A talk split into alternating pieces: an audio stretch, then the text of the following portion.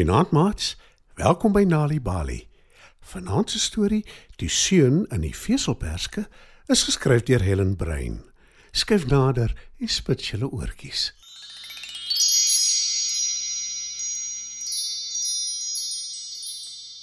Lank, lank gelede was daar 'n man en 'n vrou wat ver van alles en almal af in 'n klein hut gebly het. Die twee is nie meer jonk nie en hulle is baie arm. Hulle moet elke dag hard werk om kos op die tafel te sit. Al is dit nie 'n maklike lewe nie, is hulle gelukkig en tevrede. Maar die een ding wat hulle regtig mis, is om 'n kind te hê. Een oggend baie vroeg gaan die vrou na die rivier toe om water te gaan haal. Daar aangekom, skep sy haar emmer vol water en maak reg om terug te gaan huis toe. Maar toe sien sy 'n veselperske afgedryf kom met die stroom. Mats, julle ken 'n veselperske dalk ook as 'n mango. Wanneer laas het ek die heerlike vrug gesien? Ek moet dit huis toe vat en met my man deel. Hy hou so baie daarvan. sê die vrou bly. Sy skep die vrug uit die rivier en vat dit huis toe. Daar aangekom, sit sy dit op die tafel in die kombuis en gaan aan met haar daaglikse take. Laat die middag toe haar man by die huis kom nadat hy die hele dag op soek was na kos, sê hy moeg. Ek is jammer. Al wat ek vandag in die hande kon kry is 'n paar patats in 'n bos spinasie. Hoopelik sal daar môre vleis wees. Dit maak nie saak nie. Ons hou gelukkig albei van groente. Buitendien, ek het vandag 'n gelukkie gehad. Kyk op die tafel. Antwoord sy vrou. Die man kan sy oë nie glo nie. 'n Veselperske. Waar op aarde kry jy dit? roep hy bly. Sy vrou vertel hom dat die vrug in die rivier afgedryf gekom het en hy vra, Kan ons dit sommer nou eet asseblief? Natuurlik.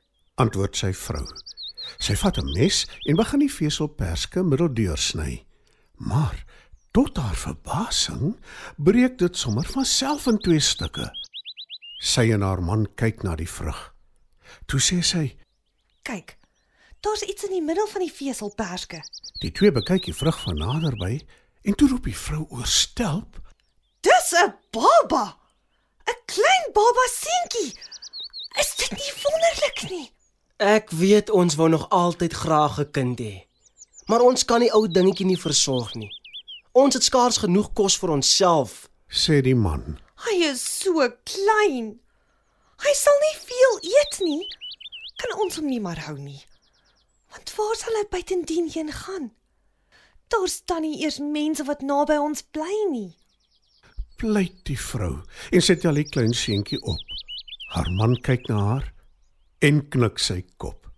Hy moet erken dat dit 'n baie oulike klein ding is. Kom ons neem hom Ferdinand. Stel die vrou voor en haar man stem in. So klein soos wat hy was toe hy uit die veselperske gekom het, so vinnig groei Ferdinand. Sommige gou is hy 'n sterk jong man. Ferdinand is baie lief vir sy ouers en hy luister graag wanneer hulle hom vertel waar hy vandaan kom, al het hy die storie al soveel keer gehoor. Op 'n dag vra hy hulle hoekom hulle so arm is en alleen bly ver van enige ander mense af. Dis 'n hartseer storie. Baie jare gelede was ons wel af. Maar die nare reuse wat in 'n groot kasteel bly, het alles by ons gesteel en ons weggejaag uit ons huis. verduidelik die vrou. Ferdinand is onmiddellik kwaad en hy sê: Ek gaan na die kasteel toe en terugvat wat hulle gesteel het. Dis nie reg dat jy so arm is en so met sukkel nie. Die man en die vrou probeer keer. Hulle waarsku hom teen die reuse, maar Ferdinand is vasberade. Hulle stem toe maar noodgedwonge in en die vrou maak vir hom sy gunsteling souskluitjies vir padkos. Sy draai dit toe in 'n doek en gee dit vir hom. Toe sê sy: Vat die saam vir as jy honger word op pad na die kasteel toe. Jy's so 'n dapper seun. Maar beloof my asseblief jy sal baie versigtig wees. Ferdinand verseker haar hy sal. Hy groet sy ouers en haak die doek waarin die souskluitjies toegedraai is aan 'n stok wat hy oor sy skouer sit.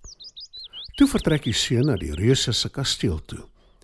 Hy het nie ver geloop nie toe hy 'n aapie teekom. Waar Waarheen is jy op pad? En wat het jy in die doek daar oor jou skouer? Wil die aapie nuuskierig weet. Ek gaan na die reuse se kasteel toe.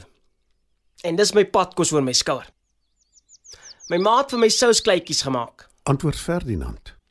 As jy my een gee, gaan ek saam met jou. Sê die aapie.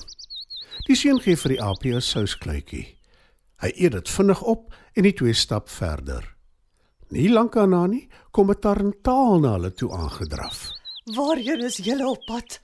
En wat is in die doek daar in die stok oor jou skouer? Vra sy. Ons gaan na die reuse se kasteel toe.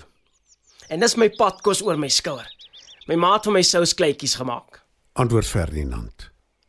As jy my een gee, gaan ek saam met julle. Sê die tarantaal. Die seun gee vir haar ook 'n souskluitjie. Sy eet dit vinnig op en die drie stap verder. Uiteindelik kom hulle by die reuse se kasteel aan. Daar's 'n hoë muur om die kasteel en Ferdinand sê: hoe gaan ek ooit oor die hoë muur kan klim? Daar's 'n hek maar dit is gesluit. Ek sal oor die muur vlieg en die sleutel kry. sê die tarantaal. En daar gaan sy. Ferdinand en die aapie wag in spanning. En na ruk is hy terug met 'n bos sleutels in haar bek en die seun sluit die hek oop. Die drie loer versigtig om te sien wat binne aangaan. Waar is die reuse? Wonder Ferdinand hardop. Ek sal oor die dak hardloop en hulle gaan soek. sê die aapie en hy voeg die daad by die woord. Sommer gou-gou is hy terug met nuus. Al die reuse is in die kelder. Hulle hou partytjie. Maar kyk wat het ek gekry? Mantels wat ons onsigbaar sal maak. Die seun, die aapie en die tarantaal gooi vinnig die mantels om hulle. Toe sluip hulle versigtig af met een van die gange van die kasteel totdat hulle by die kelder se deur uitkom. Binne die kelder gaan dit jolig. Die reuse hoor glad nie eers hoe die seun hulle in die kelder toesluit nie. Opskit. Ons het nie baie tyd om hul skatte te kry nie. maan die seun. Die drie soek totdat hulle by 'n kamer uitkom waar daar goud, diamante en goue muntstukke is. Hulle maak soveel daarvan bymekaar as wat hulle kan dra. Teen die tyd wat die reuse die deur van die kelder oopkry, is die drie lankal weg. Ferdinand en sy vriende draai die skatte toe in sy doek. Die res dra die drie en hulle gaan na sy huis toe. Daar aangekom, is sy ouers baie bly om hom te sien. Jy is veilig terug my seun. En jy het vriende saamgebring. sê die vrou. Nie net vriende nie. Kyk wat is dit my doek. sê die seun en hy wys vir sy ouers die skatte.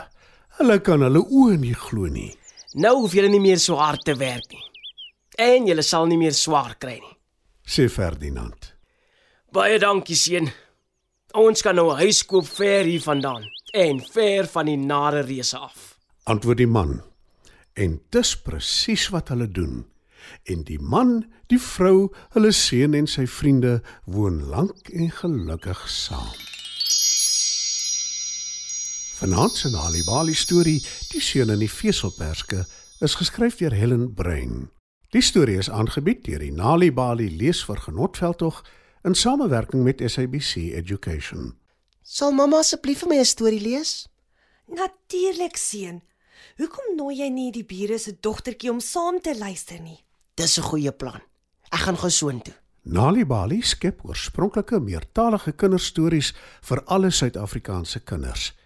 Jy kan ons help om die stories waarvoor kinders so lief is te skep deur jou besigheid te adverteer in die Nali Bali bylaag. Vir meer besonderhede, besoek nalibali.org/advertise. Nali Bali. Dit begin met 'n storie.